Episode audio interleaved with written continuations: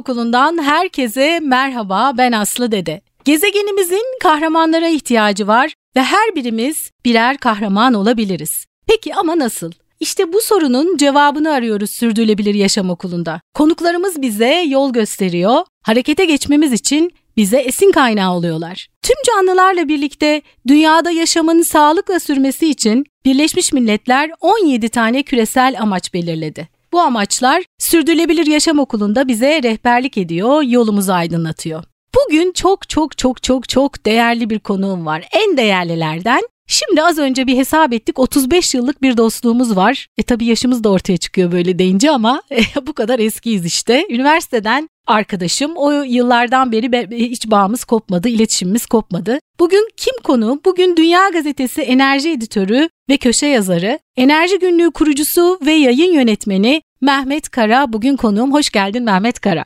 Merhaba Aslı'cım hoş bulduk. Teşekkür ederim. Ee, şimdi biz tabii kendi aramızda Kara diyoruz. Ee, aralarda Mehmet diyeceğim, Kara diyeceğim, Mehmet Kara diyeceğim artık nasıl giderse. ee, şimdi bugün enerji konuşacağız. Enerjiyi yıllardır bu konuda çalışan bir kişiyle konuşacağız. O yüzden de oldukça bilgiler edineceğiz. Ee, Birleşmiş Milletler Küresel Amaçlarının 7. maddesi, 7. amacı erişilebilir ve temiz enerji. Enerji üretimi iklim değişikliğinin ana unsurlarından biri. Sera etkisi yapan gazların %60'ı enerji üretiminden kaynaklanıyor. İşte bu yüzden de aslında küresel amaçlar arasında belki de en önemlilerinden biri temiz ve yenilenebilir enerji. Ve bu amacın altında da şöyle bir e, hedef e, cümlesi var. Herkesin uygun fiyatlı, güvenilir, sürdürülebilir ve modern enerjiye erişiminin güvence altına alınmasını hedefliyor 7 numaralı hedef. Mehmet Kara bu hedefe nasıl ulaşabiliriz sence? Önce söyleyeyim bu konuda üreticilerden ziyade tüketicilere belki bir şeyler söylemek lazım. Olabildiğince az enerji tüketirsek e, üret yani üretim güdüsü de azalır diye düşünüyorum bir yanıyla. Bence tüketimden başlasak mı acaba diye aklıma geldi bir anda nedense. Peki şimdi aslında şöyle de girelim istersen. Türkiye'de ve dünyada kullanılan enerji kaynakları neler dersek. Şimdi normalde biz aslında sabah uyandığımızdan akşam yatana kadar aslında bir şekilde enerjiye dokunuyoruz. Aslında enerji hayatımızın hep içinde. Ee, enerji kaynakları sınırlı ve birdenbire bu enerji kaynakları azalsa ya da yok olsa belki de sabahtan akşama kadar yaptığımız birçok şeyi bir anda yapamayacağız. Hemen ben devreye araya gireyim izninle. Biz aslında sadece 24 gece 12'ye kadar değil gece de enerji tüketiyoruz. Nasıl bir kere vücudumuz yediğimiz yiyeceklerden ürettiği enerjiyi kullanıyor. Bir ikincisi e, buzdolabımız çalışmaya devam ediyor gece kapatmıyoruz. Doğru. Eğer hava soğuksa kaloriferimizi kapatmıyoruz. Eğer hava çok sıcaksa klimalarımızı kapatmıyoruz. O nedenle aslında biz 7-24 enerji tüketen canlılarız. Yani bütün memeliler ve bütün canlılar, organizmalar aslında enerji tüketiyor bir şekilde. Ama insanoğlu daha organize tükettiği için diğer varlıklardan, diğer canlılardan çok daha köklü değişikliklere yol açabiliyor yer kürede. Aslında iklim değişikliğinin sorumlusu da bu insanoğlu. Biziz yani. Diğer canlıların böyle bir ne denir küreye zarar verdiğini söylemek hani iradi olarak zarar verdiğini söylemek doğru olmaz. Yani biz aslında biraz şeyiz, sorumluyuz. Bu sorumluluğun bize yüklediği bir takım yükümlülükler var, görevler var. O Birleşmiş Milletler'in az önce saydığın ya da söylediğin, sözün ettiğin 17 maddesinin ortaya çıkmasının arkasında aslında bunlar var. İnsanoğlunun aslında bu sorumluluğunun bilincine varması var biraz da. Evet. O yüzden de enerji kaynakları dersek madem hangi enerji kaynakları var tükettiğimiz e, eskiden şey vardı ne denir? Aslında geriye doğru gidersek şöyle bir şey var. İnsanoğlu tarih boyunca kendi vücudunun enerjisi dışında başka enerjileri kullanmayı bilmiş. Nasıl? Nehirlerin akışından, akış hızından, akışının yol açtığı güçten sallarla mesela tomrukları, odunları bir yerden bir yere doğru ırmağın akışı yönünde de olsa ilkel insan kullanmayı bilmiş aslında. Aynı zamanda e, rüzgarın gücünden yelkenli gemiler kullanarak, yelkenliler yaparak yararlanmış. Aynı zamanda rüzgarın gücünden rüzgar değirmenleri, yel değirmenleri yaparak yararlanmayı bilmiş insanoğlu. Bir de e, ısı enerjisinden söz edelim. Orada da yani insanoğlunun ısınma ve pişirme ihtiyacından kaynaklanan bir odun kullanımı var. Ateşin bulunmasından sonra bu olay hızla gelişmiş. Yani ateşin bulunması değil de ateşin aslında kullanılabilir hale getirilmesinden itibaren bu başlamış. O da ne? Odun yakma. Yani ısınma ihtiyacı, pişirme ihtiyacını odunla gidermeye başlamışız. Daha sonraki yıllarda mesela 1800'lerde bir e, kömür meselesi var. Buhar kömürü ya da buhar gücü, buharlı makinelerin bulunması vesaire bu keşfedilince bu sefer İnsanoğlu odundan, rüzgardan ve ırmağın akışından, rüzgarın şiddetinden, hızı, e, gücünden yararlanmanın ötesinde fosil yakıtları bu sefer kullanmaya başlamış. Odun fosil değil. Odun o andaki ağaçtan kesilmiş, yakılan bir malzeme. Ama fosil denilince yer altındaki kömür, yer altındaki petrol, yer altındaki doğal gazı kastediyoruz. Ee, ne olmuş? Sanayileşme sürecinde, sanayileşme döneminde 1800'lerde buharlı gemiler, buharlı trenler vesaireler, kömür yılı, kömür yüzyılı başlamış. Ee, o kömür yüzyılı 20. yüzyılı da etkilemiş ama yanına ne katılmış? Petrol. Katıdan dikkat ediyoruz sıvıya geçmişiz yani petrole.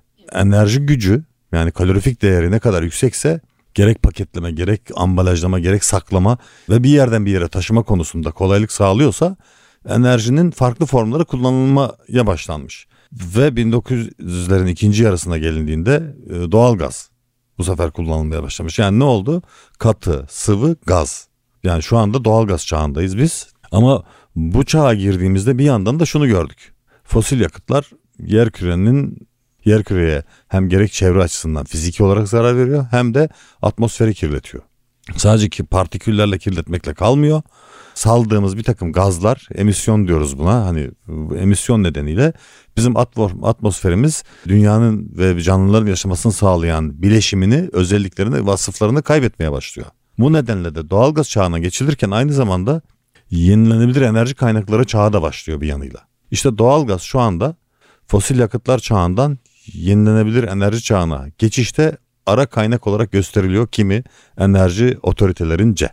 Ben şimdi beni bırakırsan ben haberi konuşurum. Yo konuş yüzden... konuş çok güzel harika. Ee, şimdi Türkiye'de ve dünyada kullanılan enerji kaynakları sen yıllardır aslında tabii şimdi şurayı da sormak lazım. Nasıl oldu da Mehmet Kara enerjiye geldi?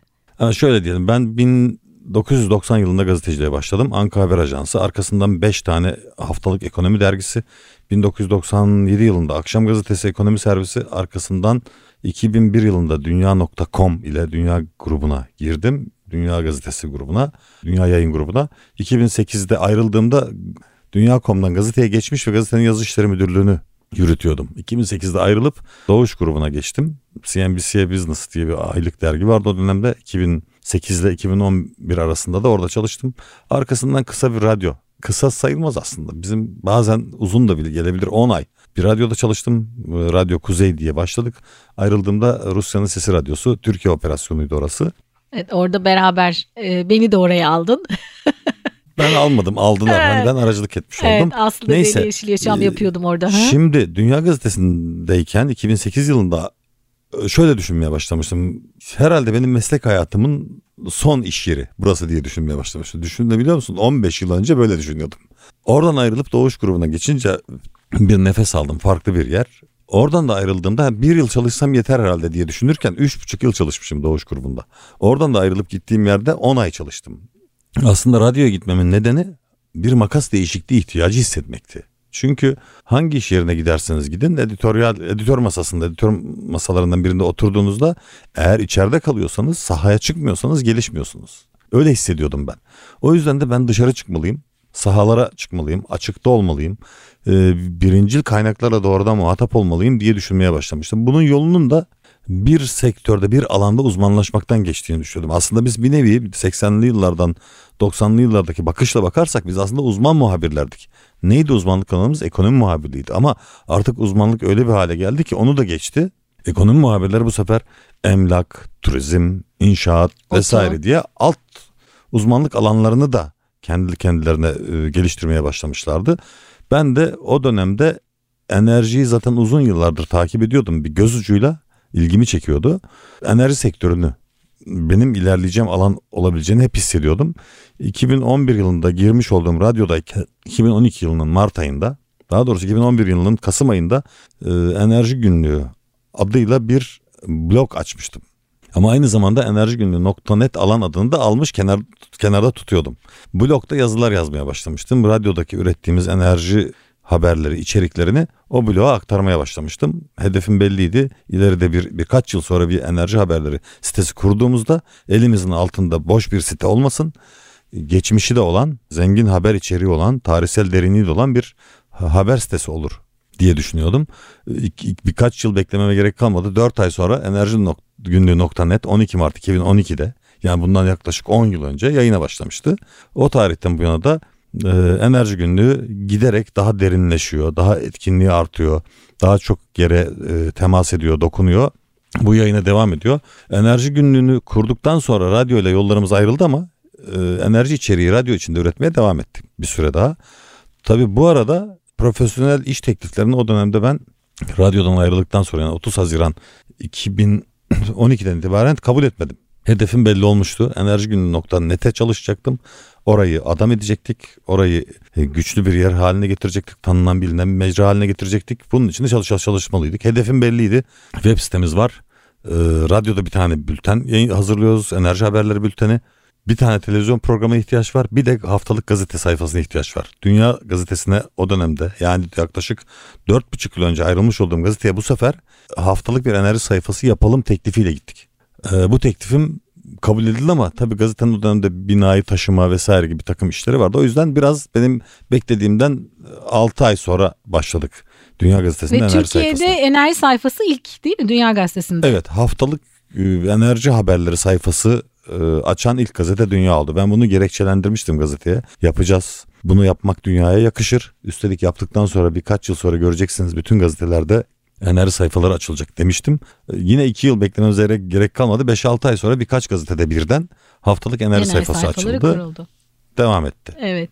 Evet şimdi e, ve en, bu kadar zamandır da devam ediyor enerji günlüğü E, ve senin de o dönemden beri müthiş bir bilgi birikimin var aslında enerjiyle ilgili.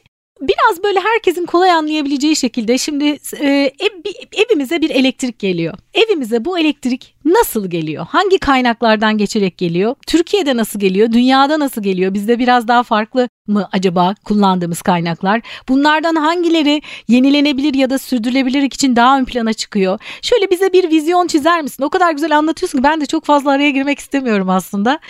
Ee, çok teşekkür ederim. Ee, aslında bu sorularla girseniz araya girsen araya daha iyi olacak. Çünkü ben böyle makinalı tüfek gibi tıkır tıkır tıkır anlatmaya devam edersem sıkıcı olabilir. Tamam. Şöyle diyeyim. Dünyadan çok farklı değil Türkiye'deki. Şebeke tabanlı bir elektrik tüketim sistemi, üretim ve tüketim sistemi var Türkiye'de. Şebeke tabanlı diyorum.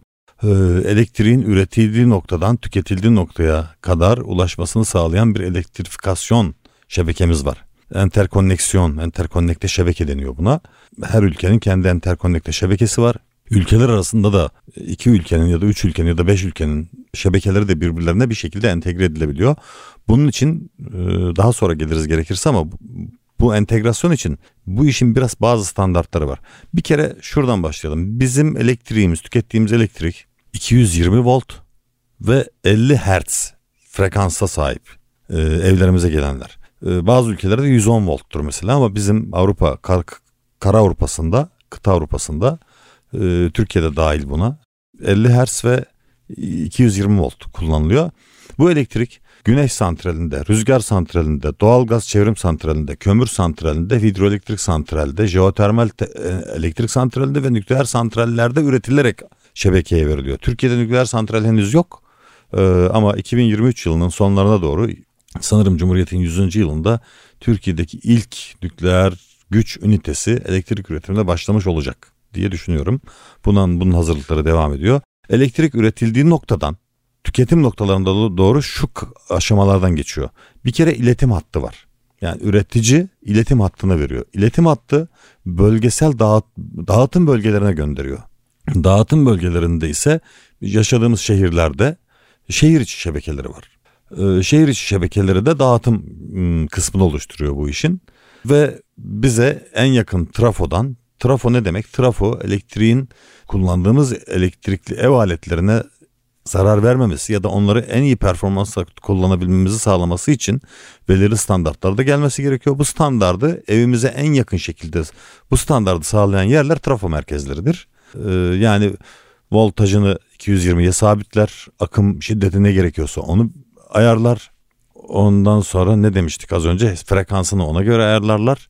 Ve bir de bizim kapılarımızda sayaçlarımız vardır. O sayaçların önünde veya arkasında bir takım sigortalar vardır. Bu sigortalarda şebekedeki olası standart dışı yani gerilim artışı, voltaj artışı, düşüşü vesaire olduğunda sistemi korumak yani evimizi korumak için e, o sigortaları koyarız.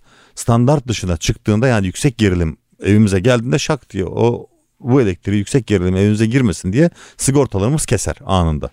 Yani aslında geliş e, şeyi e, modeli biçimi bu.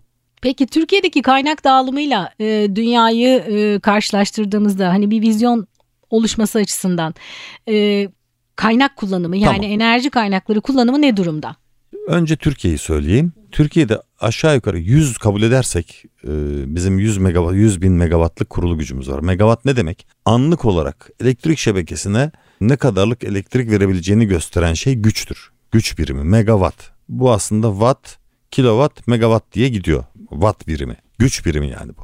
Bir de buna biz zaman birimini eklediğimizde kilowatt saat dediğimizde elektriğin miktarını açık anlatmış oluyoruz. O da bir saat içerisinde o güç bizim evimize ne kadar süreyle e, şey bastı. Neden enerji verdi. Buna da kilowatt saat miktar diyoruz.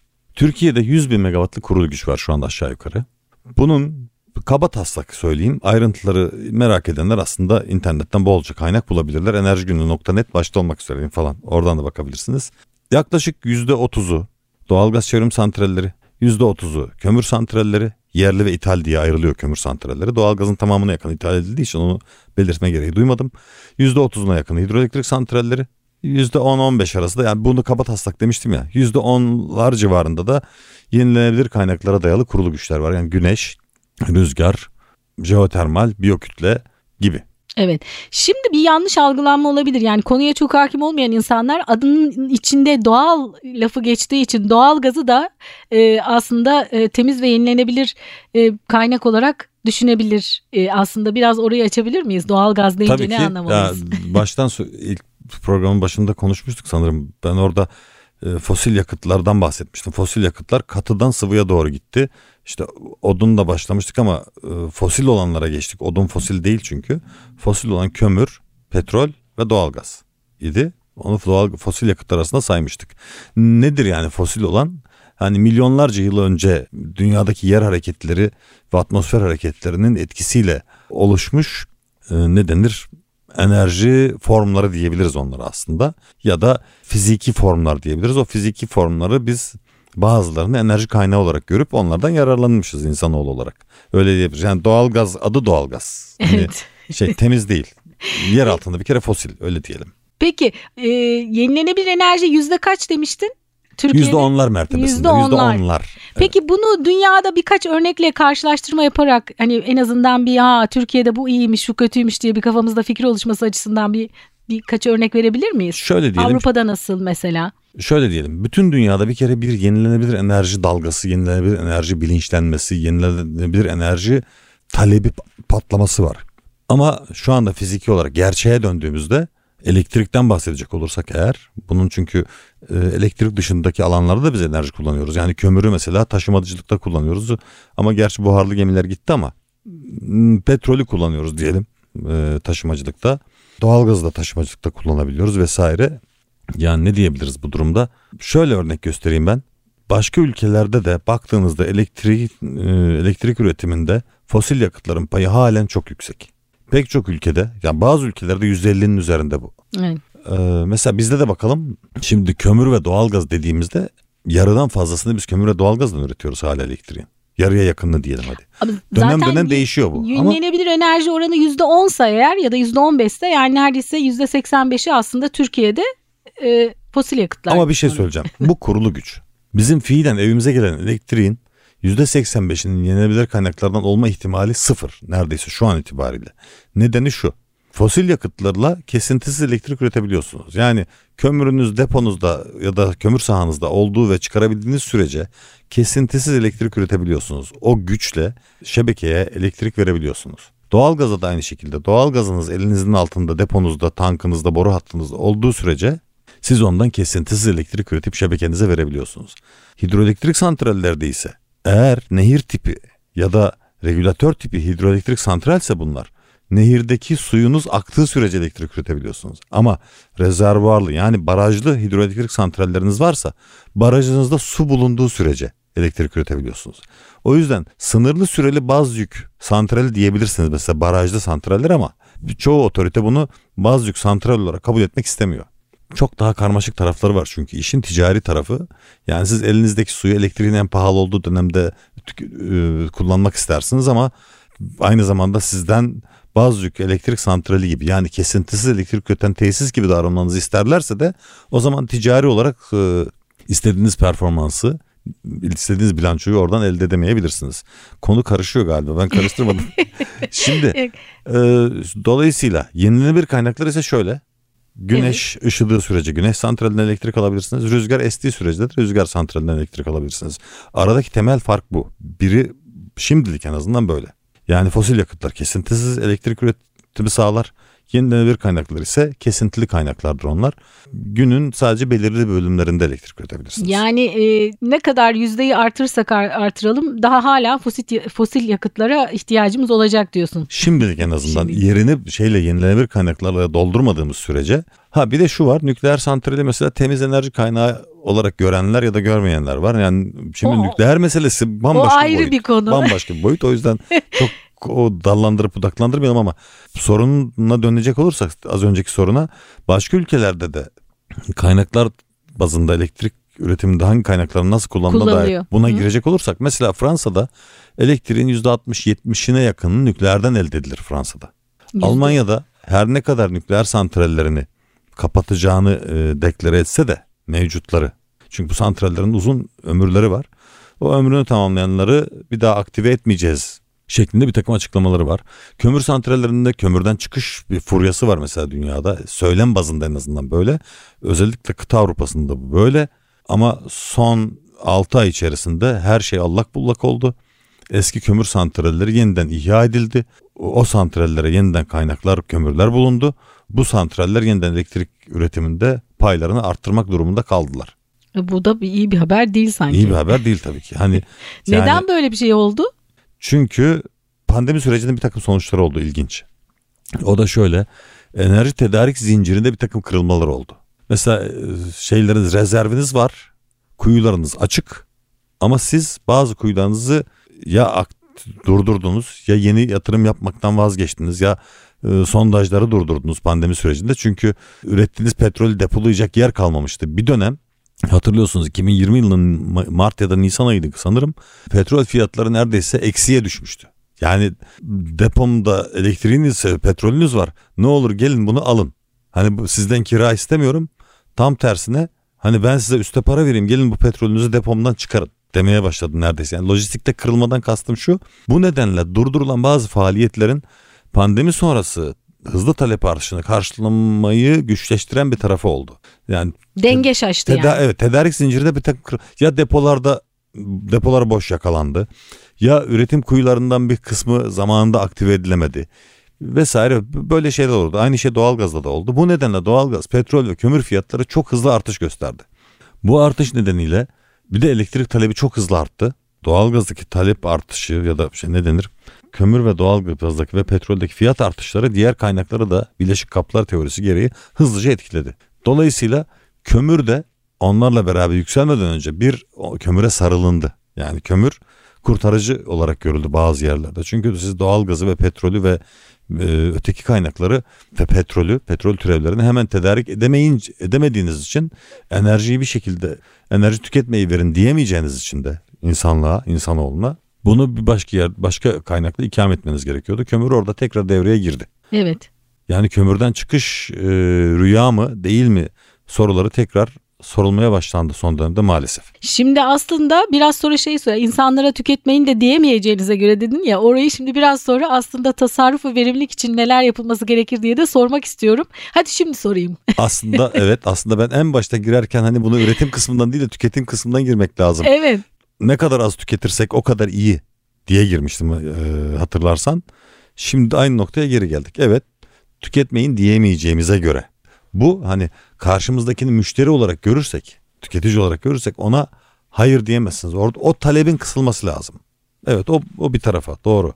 Tüketici olarak dedi nihai tüketici olarak yani konutlardaki elektrik tüketicilerinin yapabileceği şeyler sınırlı aslında. Çünkü şu anda konutlarda tüketilen elektrik toplam elektrik tüketiminin yaklaşık %25-30'u civarındadır. Kalan %70-75'i üretim amaçlı kullanılan enerjidir. Ne üretimi? Mal hizmet üretimi, taşımacılık vesaire vesaire. sanayi üretimi. Oralarda kullanılır. Yani evlerimizde de bizim yapabileceklerimiz var. Orada temel şey şu. Aslında şu anda evinin içinde oturan insanların yapacağı şeyler değil. Burada asıl görev şeye düşüyor. Kamuya düşüyor, devlete düşüyor. O da şu. Binalarda enerji verimliliği bu işin en önemli ayağı. Yani bir bina ne kadar az enerji tüketecek şekilde tasarlanır ve inşa edilir ve kullanıma sunulursa o, o kadar iyi. Ya bunun için ne yapılabiliyor? Esas şey, şeyler bir kere gün ışığından olabildiğince fazla yararlanıp fazla ampul yakılmasını engellemek mesela mimari mimarlara çok iş düşüyor. Görev düşüyor. İş demeyelim de görev düşüyor. İkincisi izolasyon, ısı ve soğuğa karşı bina izolasyonu çok önemli bir şey.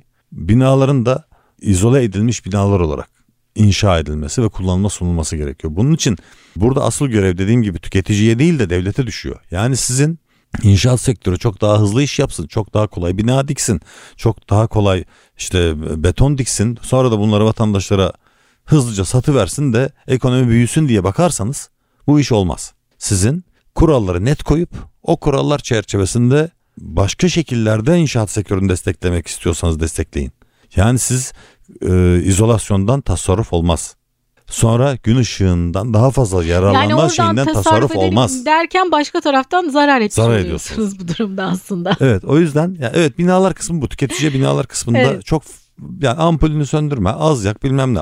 E, tabii ki orada şu var tüketici ne yapabilir? Daha verimli buzdolabı kullanabilir daha verimli çamaşır makinesi kullanabilir daha verimli elektrikli süpürge kullanabilir. Ne bileyim daha verimli ısıtıcı kombi kullanabilir. Kullanabilir diyelim. Ama siz devlet olarak daha verimli kombileri zorunlu tutmazsanız, daha verimli buzdolabı kullanmayı şart koşmazsanız tüketici de bir yere kadar şey yapar. Hani ne denir bu konuda elini taşın altında koyar. O yüzden kamuya çok iş düşüyor.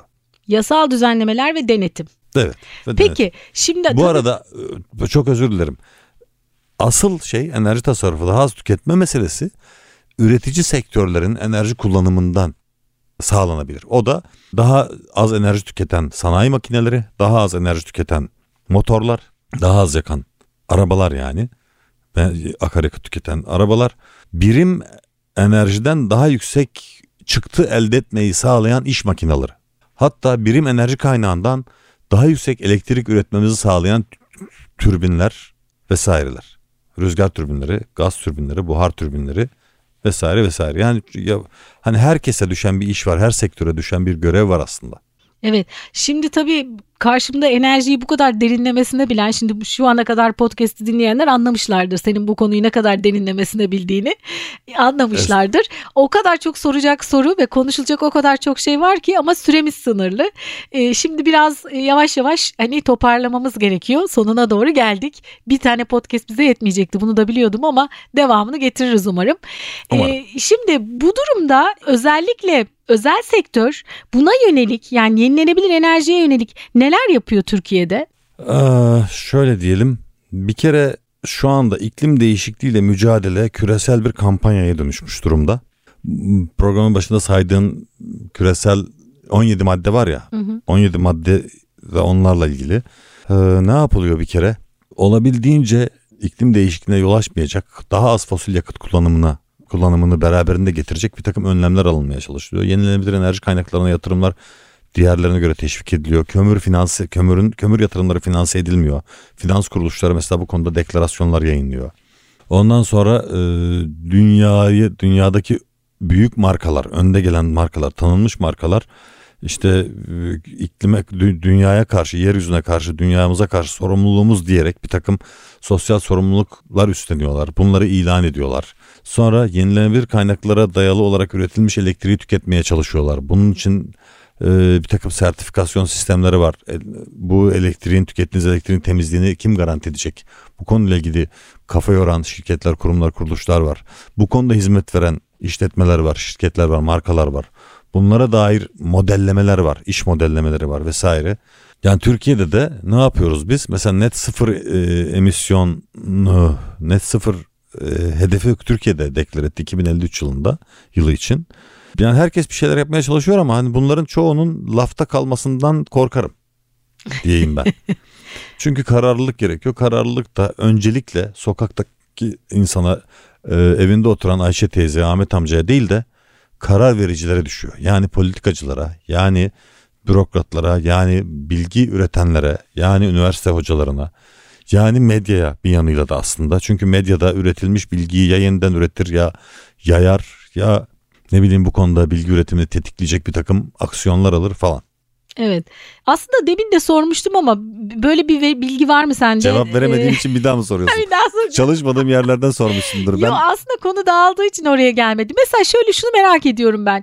Dünyada yenilenebilir enerjiyi kaynaklar arasında en yüksek oranda kullanan ülke hangisi? Danimarka olabilir mi? Bilmiyorum diyeceğim ama tahmin yürütebiliriz ancak. Danimarka olabilir. Danimarka sanırım. Danimarka olabilir. Danimarka nedeni rüzgardır onun. Yani çünkü rüzgar memleketi gibi.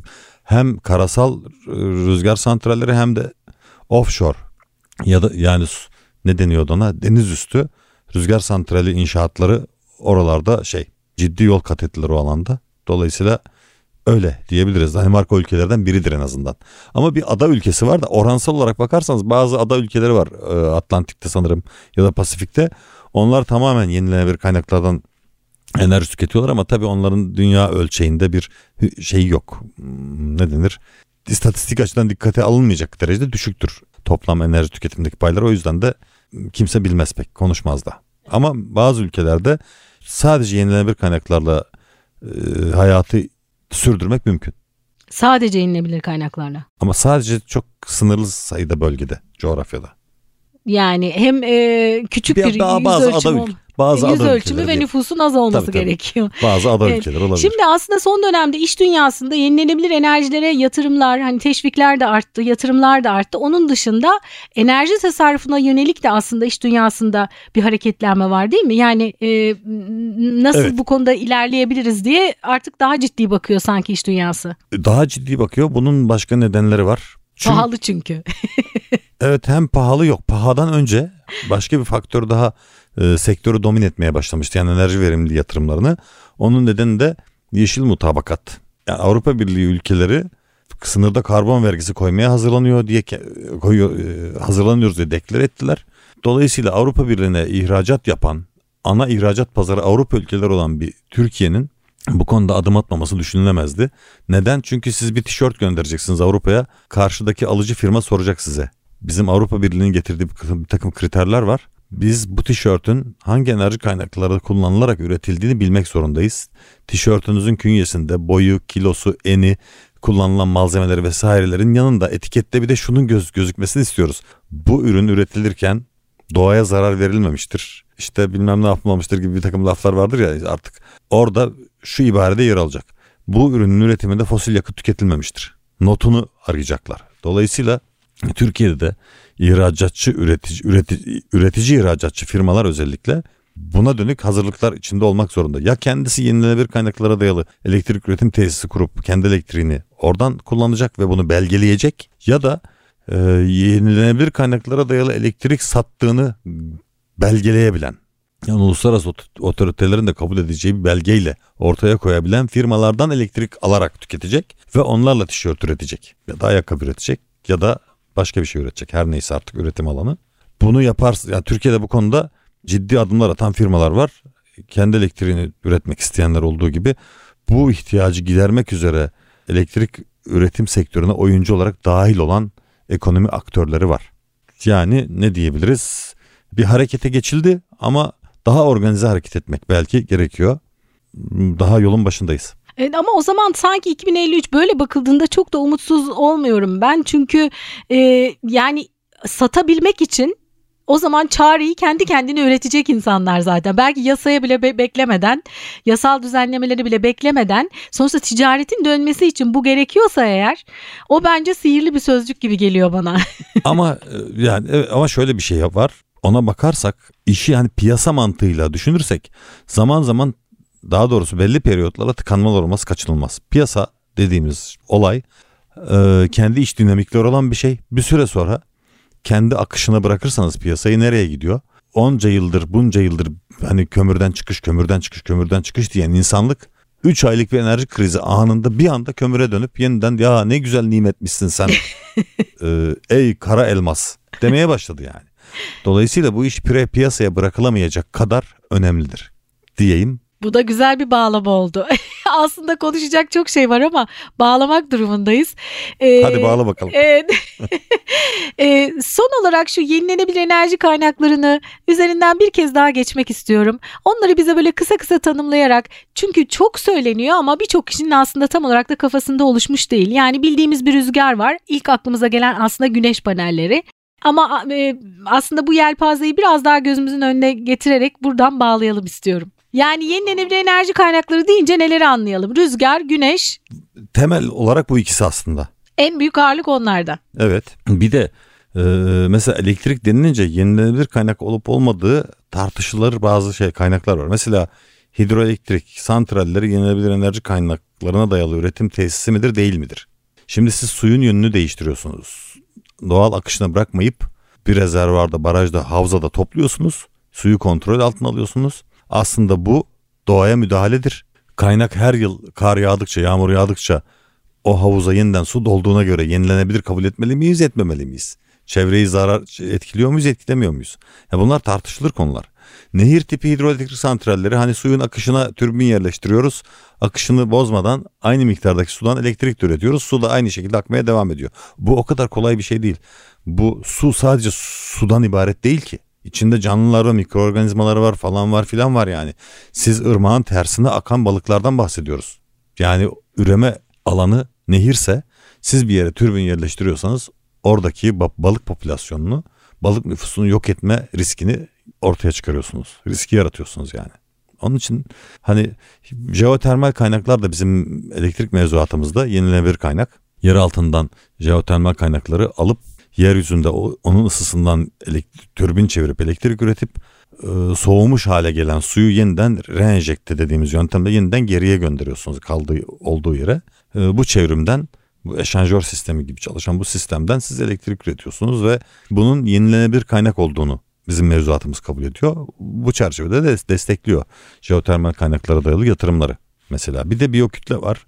Biyokütle de işte şehir çöpleri, sanayi çöpleri vesaireler bunların geri dönüştürülmesi ya da bertaraf edilmesi sürecinde ortaya çıkacak. Yakılarak bertaraf edilen çöplerden termik enerji elde ediyorsunuz. Ama bir de biyolojik olanlarındansa, organik olanlarındansa biyo bozunma yöntemiyle onlardan e, e, gaz elde edip biyogazlaştırmayla gaz elde edip gazı yakarak elektrik elde ediyorsunuz.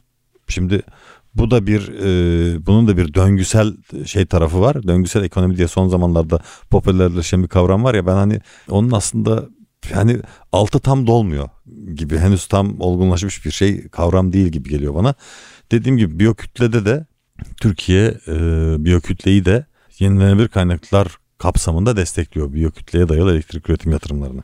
Yani bilmiyorum soruna cevap oldu mu? Evet evet biraz daha en azından şekillenmiş oldu. Çünkü akla sadece rüzgar ve güneş geliyor ama diğer kaynaklar da e, ha, yenilenebilir enerji tabii bir tarafından bakıldığında böyle bakıldığında aslında çok da temiz değilmiş gibi gözüküyor bir taraftan ama e, diğer iki kaynak aslında ona bakarsan rüzgar e, şeyinde de enerjisinde de işte kurulan türbinlerin işte uç, kuşların uçuş e, yoluna acaba zarar veriyor mu vermiyor mu falan gibi aslında derinine inersen çok e, şey çıkabilir yani birçok e, olumsuz yanı çıkabilir. O yüzden ne diyoruz? Ne kadar az tüketirsek o kadar iyi. Evet. Yani birim enerjiden maksimum çıktığı elde edebilecek verimlilik projeleriyle ya da verimlilik yaklaşımıyla düşünüp hareket etmeli. Yürüyerek gidebileceğimiz yere arabayla gitmemeliyiz mesela. Arkadaşımızın kalemini kırmamalıyız. Silgisini çalmam, şey yapmamalıyız, koparmamalıyız gibi.